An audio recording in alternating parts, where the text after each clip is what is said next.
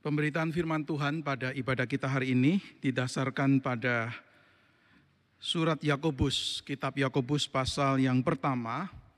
Kita membaca ayat yang ke-21 hingga ayat yang ke-25. Yakobus pasal yang pertama ayat yang ke-21 hingga ayat yang ke-25. Demikian firman Tuhan. Sebab itu buanglah segala sesuatu yang kotor dan kejahatan yang begitu banyak itu, dan terimalah dengan lemah lembut firman yang tertanam di dalam hatimu, yang berkuasa menyelamatkan jiwamu. Tetapi hendaklah kamu menjadi pelaku firman, dan bukan hanya pendengar saja, sebab jika tidak demikian kamu menipu diri sendiri. Sebab jika seorang hanya mendengar firman saja dan tidak melakukannya, ia adalah seumpama seorang yang sedang mengamat-amati mukanya yang sebenarnya di depan cermin, baru saja ia memandang dirinya, ia sudah pergi atau ia segera lupa bagaimana rupanya. Tetapi barang siapa meneliti hukum yang sempurna, yaitu hukum yang memerdekakan orang, dan ia bertekun di dalamnya, jadi bukan hanya mendengar untuk melupakannya, tetapi sungguh-sungguh melakukannya, ia akan berbahagia oleh perbuatannya. Mari kita masuk dalam doa. Terima kasih untuk waktu yang kau berikan pada hari ini kami bisa datang beribadah. Dan kami bersyukur dalam momen ibadah ini Tuhan, sekali lagi Engkau mau menyatakan kehendakmu melalui firman yang kami baca dan renungkan. Kami mempersiapkan hati kami, kami membuka telinga rohani kami untuk mendengar pengajaran-Mu ya Tuhan. Berfirmanlah kami, anak-anak-Mu siap untuk mendengar. Biarlah hati kami seperti tanah yang baik, di mana benih firman itu sungguh tertabur, bertumbuh dan berbuah. Dan hidup kami sungguh terus mengalami transformasi, karena firman yang bekerja terus di dalam hati kami. Berkatilah waktu pemberitaan firman-Mu. Di dalam nama Tuhan Yesus kami berdoa. Amin. 505 tahun yang lalu, tepatnya 31 Oktober 1517, seorang yang bernama Martin Luther menempelkan tulisan yang berisikan 95 tesis atau dalil di pintu gereja di kota Wittenberg di Jerman. Saudara, apa yang dituliskan itu berisikan pernyataan-pernyataan yang menentang ajaran dan praktek gereja yang dianggap menyeleweng. Gerakan reformasi protestan dimulai. Setelah yang dikasih oleh Tuhan ada panggilan untuk gereja mereformasi diri dan direformasi. Ada panggilan untuk gereja kembali kepada kitab suci. Saudara Martin Luther menyatakan di dalam pembukaan tulisan itu, motivasi dia kenapa dia harus tuliskan pernyataan-pernyataan itu adalah karena cinta kepada kebenaran dan keinginan untuk kebenaran itu menjadi terang. Kebenaran itu diketahui banyak orang. Saudara yang dikasih oleh Tuhan, gerakan reformasi ini kemudian menyebar ke berbagai tempat, mempengaruhi berbagai gereja dan mendatangkan perubahan dalam kehidupan banyak gereja dan juga banyak orang Kristen. Sejarah reformasi yang dipelopori oleh Martin Luther bukanlah tanpa kesulitan, tanpa tantangan, tanpa halangan. Sejarah yang dikasih oleh Tuhan Martin Luther harus berhadapan dengan petinggi-petinggi gereja yang tidak setuju dengan pandangannya dan menganggap Martin Luther sesat. Ada ancaman untuk dia dipenjarakan. Bahkan ada ancaman pembunuhan. Saudara Martin Luther bukan hanya mempelopori gerakan reformasi, tetapi dia memperjuangkan. Saudara kenapa dia terus memperjuangkan, sekalipun dia tahu ada harga yang mahal yang harus dia bayar. Kenapa dia masih memperjuangkan? Saudara jawabannya sederhana sekali karena dia mengalami perubahan hidupnya. Mengalami perubahan yang dimulai dari perubahan konsep mengenai kebenaran kitab suci Dia menemukan kembali inti ajaran kitab suci yang benar. Dan itu mempengaruhi hidupnya, mengubah hidupnya. Jadi sebelum dia memanggil gereja untuk direformasi, hidupnya sendiri secara pribadi itu sudah direformasi. Oleh sebab itu, ketika dia diminta untuk mengaku salah, diminta untuk menarik kembali perkataan atau pengajarannya, Martin Luther dengan tegas menolak. Perkataan yang tadi tertulis dalam video clips yang tadi kita baca di permulaan itu, saudara itulah jawaban dari Martin Luther. Ketika dia diadili dan dikatakan kau akan diampuni jika engkau menarik perkataanmu, mengaku salah. Saudara jawaban dari Martin Luther adalah seperti ini. Kecuali aku diyakinkan oleh kitab suci atau oleh alasan yang jelas, aku tidak akan mengaku salah, tidak akan menarik kembali hati nuraniku ditawan oleh firman Allah dan bertindak melawan hati nurani seperti ini tidaklah benar, tidaklah tepat. Jadi itu jawaban Martin Luther. Kalimat yang luar biasa dia mengatakan hatiku ditawan oleh firman Allah. Sudah keyakinan seperti inilah yang membuat di kemudian hari muncul istilah Latin sola scriptura Sola Scriptura merupakan salah satu inti ajaran dari gerakan reformasi. Jadi gerakan reformasi bukan hanya berbicara mengenai Alkitab, tetapi gerakan reformasi berbicara mengenai hanya Alkitab. Scripture alone, sekolah scriptura. Jadi ajaran yang dikumandangkan oleh gerakan reformasi sesungguhnya adalah ajaran Alkitab sendiri, bukan ajaran, versi atau ciptaan dari para tokoh reformator. Sudah sola scriptura berarti Alkitab adalah satu-satunya kaidah iman yang tidak pernah salah. Alkitab itu kaidah untuk kehidupan dan iman orang percaya. Dan sola scriptura itu berarti apa? Sola scriptura itu berarti juga Alkitab itu sufficient. Alkitab itu cukup untuk kehidupan orang percaya. Maka sudah berbicara mengenai sola scriptura berarti setiap konsep pemikiran, doktrin, dan praktek hidup harus didasarkan berkebenaran kitab suci. Setelah itulah diperjuangkan oleh Martin Luther dan para reformator lainnya. Tanpa firman tidak mungkin ada reformasi. Tanpa firman tidak mungkin ada perubahan. Tanpa firman tidak mungkin ada transformasi. Setelah perhatikan apa yang tadi kita baca di perikop kita di ayat khususnya ayat 21. Yang tadi kita baca tertulis seperti ini. Sebab itu buanglah segala sesuatu yang kotor dan kejahatan yang begitu banyak itu dan terimalah dengan lemah lembut firman yang tertanam di dalam hatimu yang berkuasa menyelamatkan jiwamu. Sudah didahului dengan satu perintah panggilan itu apa? Buanglah segala sesuatu yang kotor dan kejahatan yang begitu banyak. Itu perintah.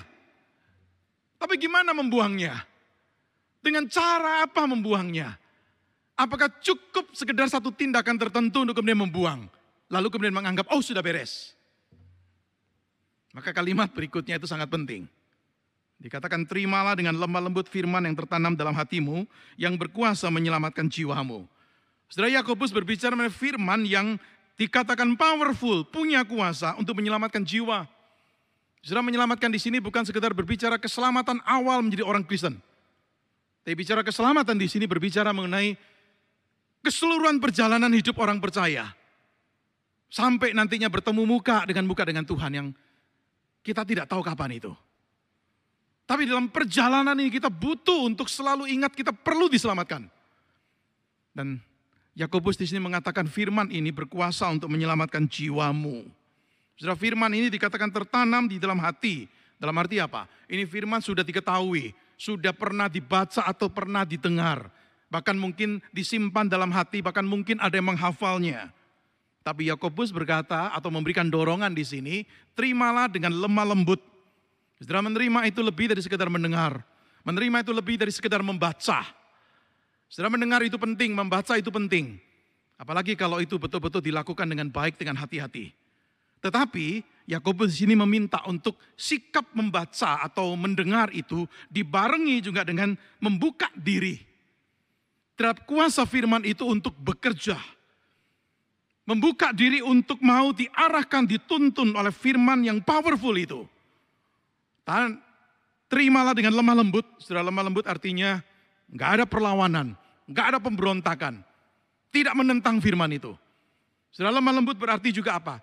Oke, saya mau tunduk, saya mau taat terhadap firman itu. Jadi kemauan seperti ini baik kan? Kalau ada orang Kristen punya kemauan, oke Tuhan saya mau tunduk, saya mau taat. Itu baik. Tapi nggak cukup. Saudara, kemauan untuk tunduk tidak boleh hanya berhenti sebagai kemauan. Tekad untuk taat atau tunduk tidak boleh berhenti hanya sebagai tekad. Saudara, maka di sini kita melihat setelah ayat 21, Yakobus melanjutkan dengan ayat 22. Tetapi indahlah kamu menjadi pelaku firman dan bukan hanya pendengar saja. Artinya saudara kemauan untuk taat harus diwujud nyatakan. Di dalam bentuk tindakan yang nyata. Menjadi pelaku firman. Saudara apa artinya menjadi pelaku firman sih?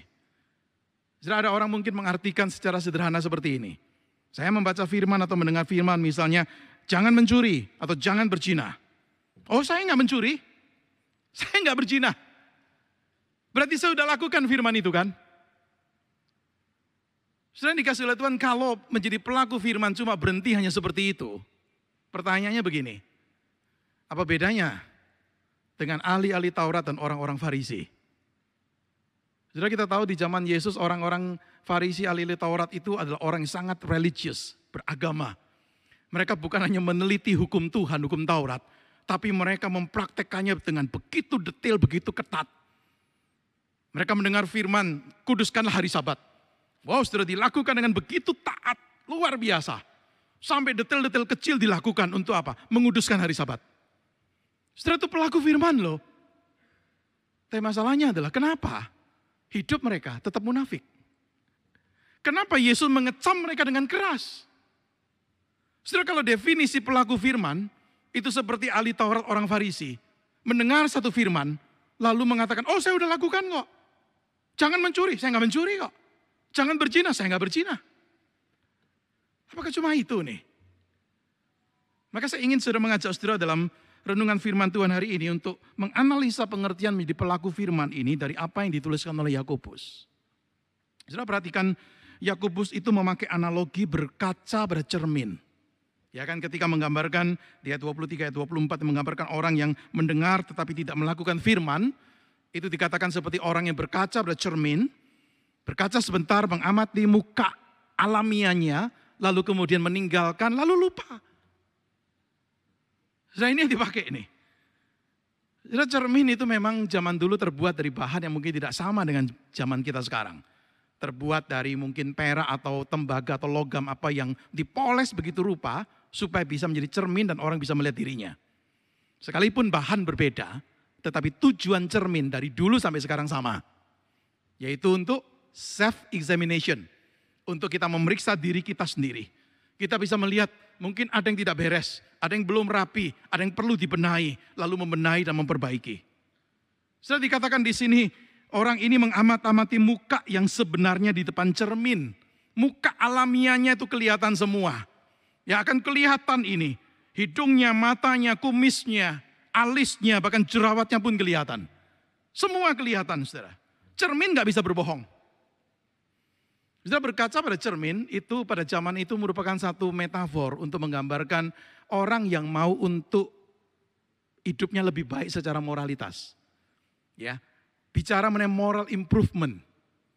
Itu bicara mengenai berkaca pada cermin. Tapi Yakobus sekarang memakai lebih khusus lagi. Ini cermin adalah cermin firman Tuhan. Yakobus yang menunjukkan ini loh cermin yang menunjukkan siapa kita sesungguhnya. Setelah Yakobus menggambarkan orang ini dikatakan dia baru saja memandang dirinya, dia sudah pergi atau dia segera lupa bagaimana rupanya. Jadi analogi dipakai untuk menggambarkan orang ini yang tidak bertindak berdasarkan apa yang dia lihat di cermin. Seperti melihat sesuatu di cermin tetapi tidak melakukan apa-apa. Bahkan dia sudah lupa bagaimana rupanya. Sehingga dia tidak melakukan perubahan yang diperlukan atau pembenahan yang diperlukan. Jadi the mirror show him the problems. Cermin itu menunjukkan pada orang ini problemnya. But he didn't do anything to fix the problems. Dia nggak lakukan apa-apa untuk memperbaiki problem-problem itu. Misalnya dikasih oleh Tuhan, kita sebagai orang percaya, acap kali mungkin gagal juga berkaca bercermin firman Tuhan.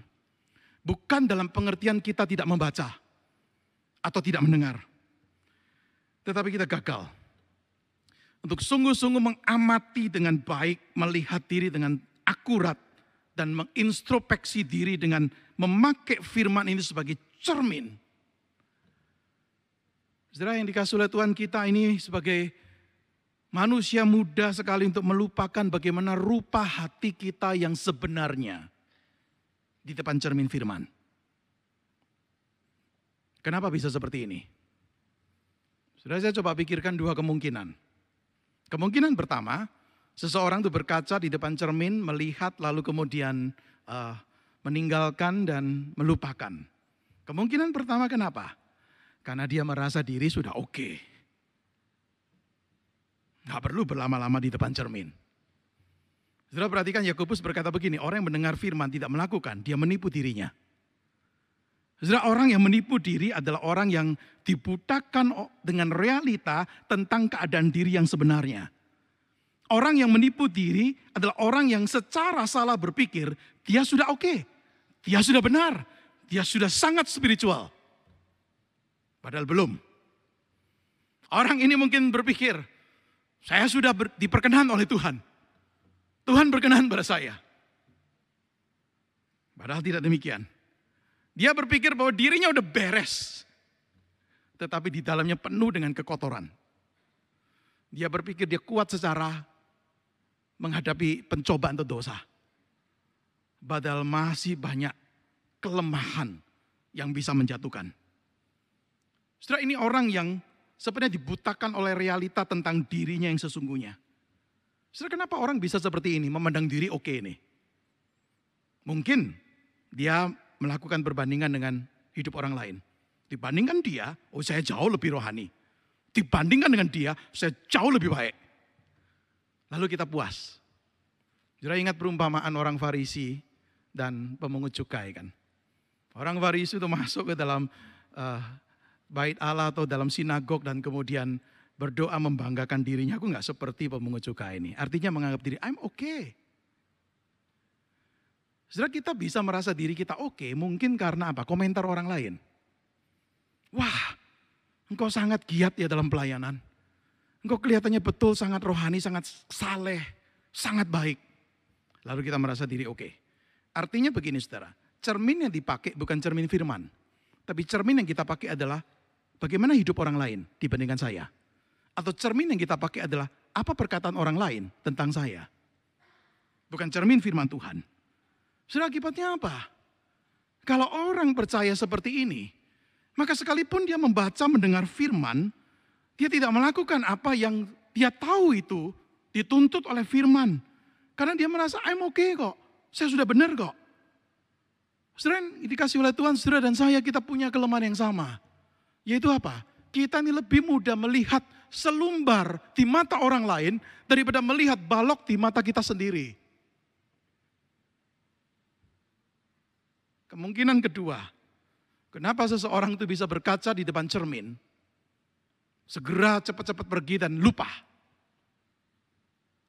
Adalah kemungkinan karena dia merasa ada hal atau urusan lain yang lebih penting daripada pembenahan diri. Saudara, orang yang digambarkan oleh Yakobus di sini adalah orang yang mendengar dan lupa. Jadi forgetful hearer atau forgetful listener. Pendengar yang pelupa. Tetapi maksud Yakobus di sini bukan menggambarkan orang dengan masalah dengan ingatan memori. Problem orang ini bukan memori problem. Tetapi problem orang ini adalah priority problem. Problem prioritas. Sudah orang ini tidak mengingat apa yang dia lihat di cermin. Kenapa? Dia nggak anggap itu penting. Ketika dia baca kebenaran tentang Allah, tentang kekekalan, tentang iman, tentang dosa, tentang Yesus, tentang gereja, tentang pelayanan. Itu semua hal menarik. Itu hal yang baik yang dia tahu, dia baca atau dia dengar. Tetapi bukan hal yang penting. Ada hal yang jauh lebih penting. Saya punya karier yang saya harus kejar. Saya punya usaha yang saya harus terus perjuangkan untuk keuntungan lebih banyak. Saya punya hobi yang saya senang lakukan. Ataupun berbagai alasan yang lain lagi, saudara. Artinya apa? Orang ini lupa dengan apa yang firman Tuhan katakan. Dikarenakan apa? Dikarenakan bagi dia hal rohani bukan hal yang terutama dan penting. Kalau firman Tuhan mengekspos dia tentang dosa, dia tidak menganggap pembenahan diri, pembenahan dari dosa itu sebagai hal yang sangat prioritas dibandingkan dengan prioritas-prioritas lainnya. Sekali lagi, mereka bukan orang yang punya memory problem, tetapi problemnya adalah priority problem. Jadi kehidupan akan terus berjalan.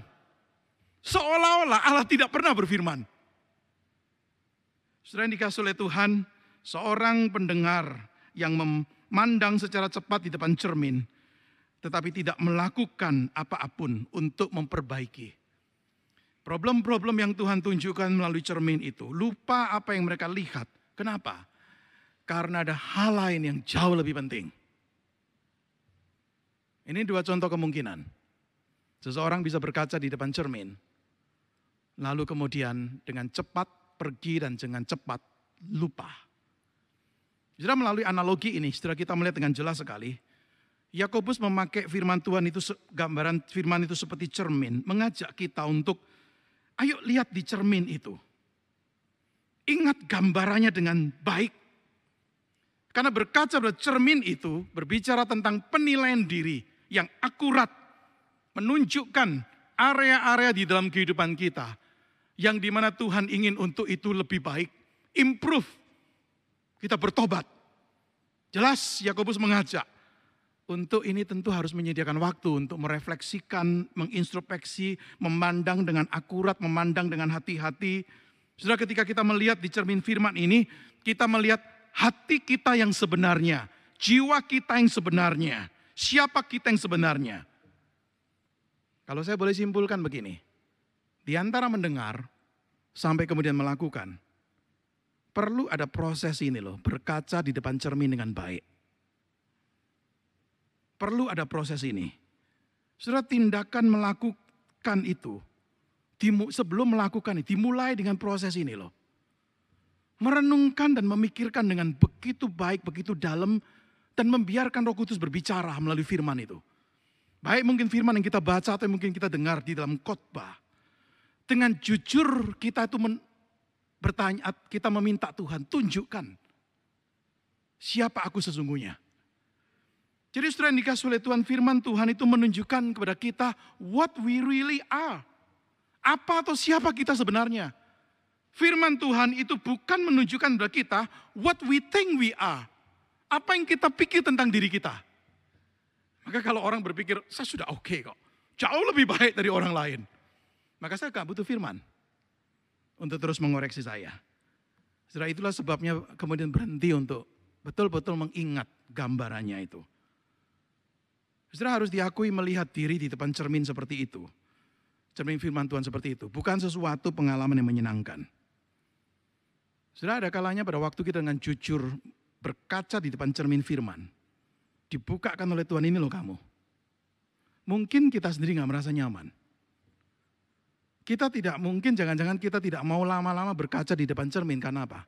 Kita tidak suka dengan apa yang kita lihat. Dibukain kepada kita siapa kita sesungguhnya. Tapi jikalau kita mau mendapat manfaat dari firman itu, nggak ada jalan lain. Dan maka di dalam ayat yang ke-25 itu diringkaskan seperti ini. Ini ringkas yang baik sekali. Barang siapa meneliti hukum yang sempurna, yaitu hukum yang memerdekakan orang, dan ia bertekun di dalamnya, jadi bukan hanya mendengar untuk melupakan, tetapi sungguh melakukannya, ia akan berbahagia oleh perbuatannya. Zura 25 itu memberikan satu ringkasan urutan ini. Dimulai dengan apa? Meneliti hukum yang sempurna, hukum Allah itu. Look carefully. Betul-betul melihat dengan sepertinya satu investigasi yang sangat luar biasa. Itu kalau seperti berkaca cermin, cermin ditaruh di meja, dia betul-betul mendekatkan mukanya di depan cermin itu mengamati betul-betul. Meneliti betul-betul. Maka saudara yang dikasih oleh Tuhan membaca Alkitab itu lebih dari sekedar cuma membaca hanya formalitas. Tetapi merenungkan, meresapi, membiarkan firman itu betul-betul meresap masuk dalam pikiran hati kita. Lalu kemudian yang kedua dikatakan apa? Urutan berikutnya bertekun di dalamnya. Saudara tahu arti bertekun kan? Bertekun itu adalah sesuatu yang terus-menerus dilakukan, tidak menyerah.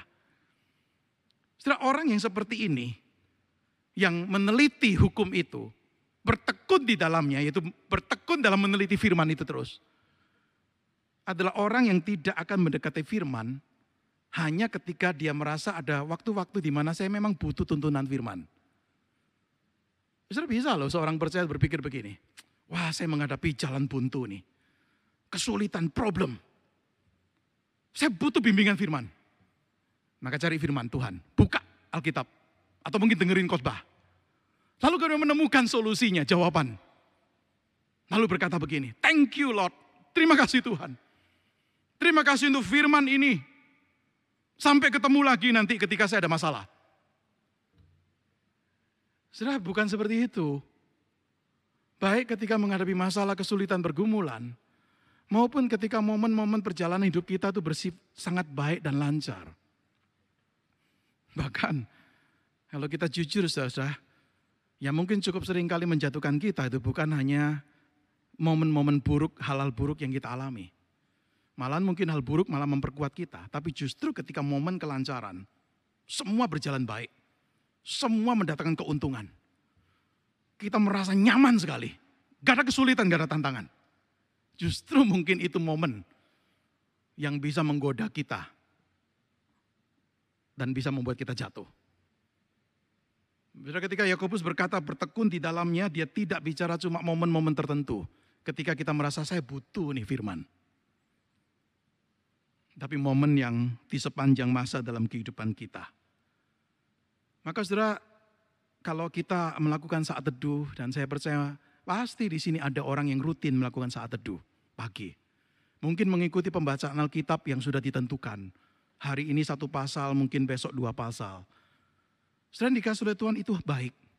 Membaca Alkitab satu pasal satu hari, kita rutin lakukan, itu baik. Tetapi jangan itu jadi formalitas. Sudah ada orang melakukan saat teduh, sebab dia merasa begini, kalau hari ini saya tidak saat teduh, rasanya ada yang gak nyaman, atau dia takut terjadi sesuatu dengan hidupnya hari itu, kalau nggak saat teduh. Setelah akibatnya apa? Pembahasan Alkitab yang cuma satu pasal itu hanya bersifat formalitas. Sepertinya kita berkaca di depan cermin. Tapi cuma sebentar lalu keluar, lupa. Sudah berkaca di depan cermin firman di sini yang dimaksudkan Yakobus jelas sekali.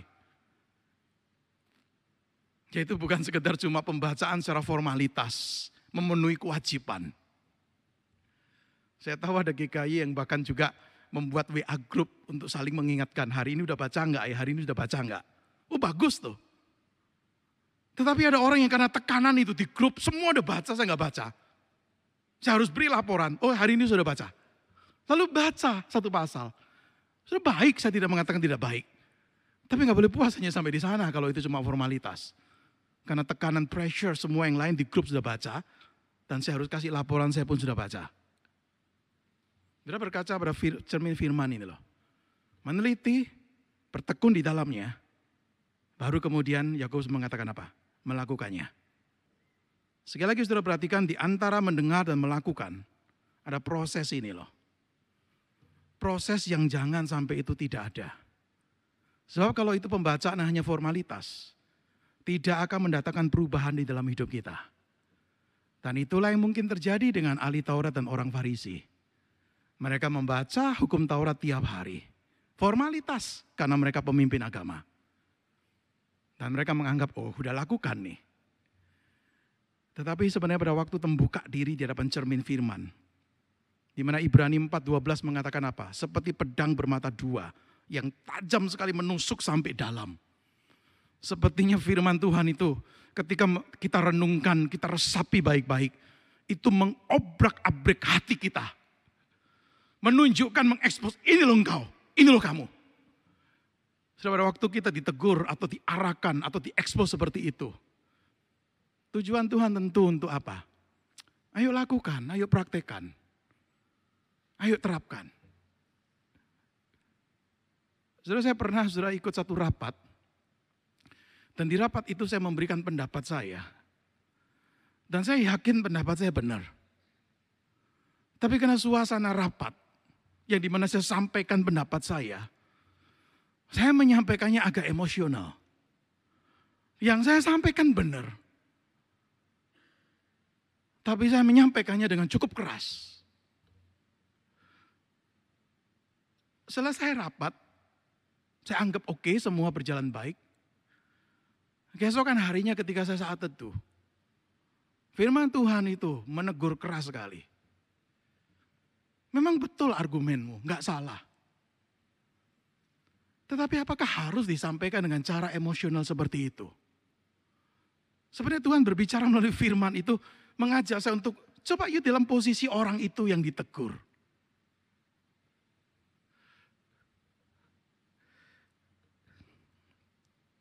Saya minta ampun pada Tuhan. Saya telepon orang itu, saya minta maaf. Sudah contoh kecil, contoh kecil. Satu proses di mana kita ini mengizinkan di antara mendengar dan melakukan harus ada proses ini. Kalau tidak ada proses ini, Pembacaan Alkitab kita cuma formalitas. Dan Yakobus mengakhiri dengan kalimat ini kan. Ia akan berbahagia oleh perbuatannya. Orang yang meneliti hukum, bertekun di dalamnya dan melakukan dikatakan apa? Ia akan berbahagia atau lebih tepatnya dia akan diberkati oleh perbuatannya. Diberkati oleh perbuatannya. Setelah ketaatan adalah firman memimpin pada blessing, berkat, dan ini bukan bicara berkat di masa depan. Tapi berkat karena apa? Tindakan perbuatan ini loh. Beranikah kita memiliki keyakinan ini? Bahwa ketika kita sungguh-sungguh menjadi orang-orang yang menjadi pelaku firman yang benar. Bukan cuma formalitas. Justru berkat itu akan dialami di dalam hidup kita. Maka saya setuju ada satu orang mengatakan kalimat ini yang saya ingin kutip sebagai penutup renungan firman Tuhan. Orang itu berkata, hidup itu tidak akan pernah menjadi lebih baik tanpa firman. Dan hidup itu tidak akan menjadi lebih buruk dengan firman. Sudah sering kali kita mungkin membalik. Kita mengatakan apa? Hidup jadi lebih baik, memang lebih baik tanpa firman kok. Hidup malah lebih buruk dengan firman. Sudah Martin Luther waktu membela kebenaran itu mengalami begitu banyak kesulitan, tantangan, ancaman. Mungkin dia berpikir begini, hidup kok makin buruk? Karena ketaatan dan firman. Kalau dia berpikir dengan pola seperti itu, dia akan tinggalkan gerakan reformasi. Dia akan mengaku salah. Beranikah kita memiliki keyakinan itu? Life is never better without God's word. Itu bukan sesuatu yang akan membuat kita lebih baik tanpa firman. Tapi yakinilah, hidup tidak akan menjadi lebih buruk dengan firman.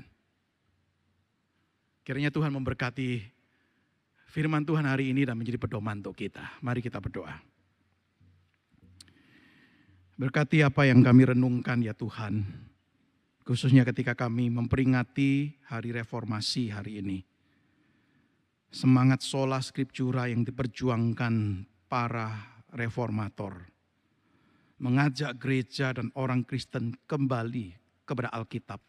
Dan hanya Alkitab Ya Tuhan biarlah ini menjadi satu semangat moto yang juga terwujud nyata dalam hidup kami sebagai orang percaya. Engkau sudah memberikan firman-Mu dan Engkau memberikan selalu dengan tujuan untuk kebaikan. Sekalipun mungkin ada kalanya firman itu menusuk dengan tajam sekali. Membuat kami merasa tidak nyaman. Membukakan diri kami yang sesungguhnya Dan kami merasa tidak nyaman dengan apa yang kami lihat tentang diri kami. Tetapi tidak pernah kau berikan dengan tujuan mencelakakan kami. Tapi selalu dengan tujuan untuk kebaikan kami. Ya Tuhan, bila kami memiliki keyakinan bahwa kehidupan kami tidak akan menjadi lebih baik tanpa firman. Kehidupan kami tidak akan menjadi lebih buruk dengan firman. Biar semangat sola scriptura terwujud nyata sungguh di dalam kehidupan gerejamu di tempat ini dan juga di dalam kehidupan kami pribadi lepas pribadi. Dalam nama Tuhan Yesus kami berdoa dan bersyukur. Amin.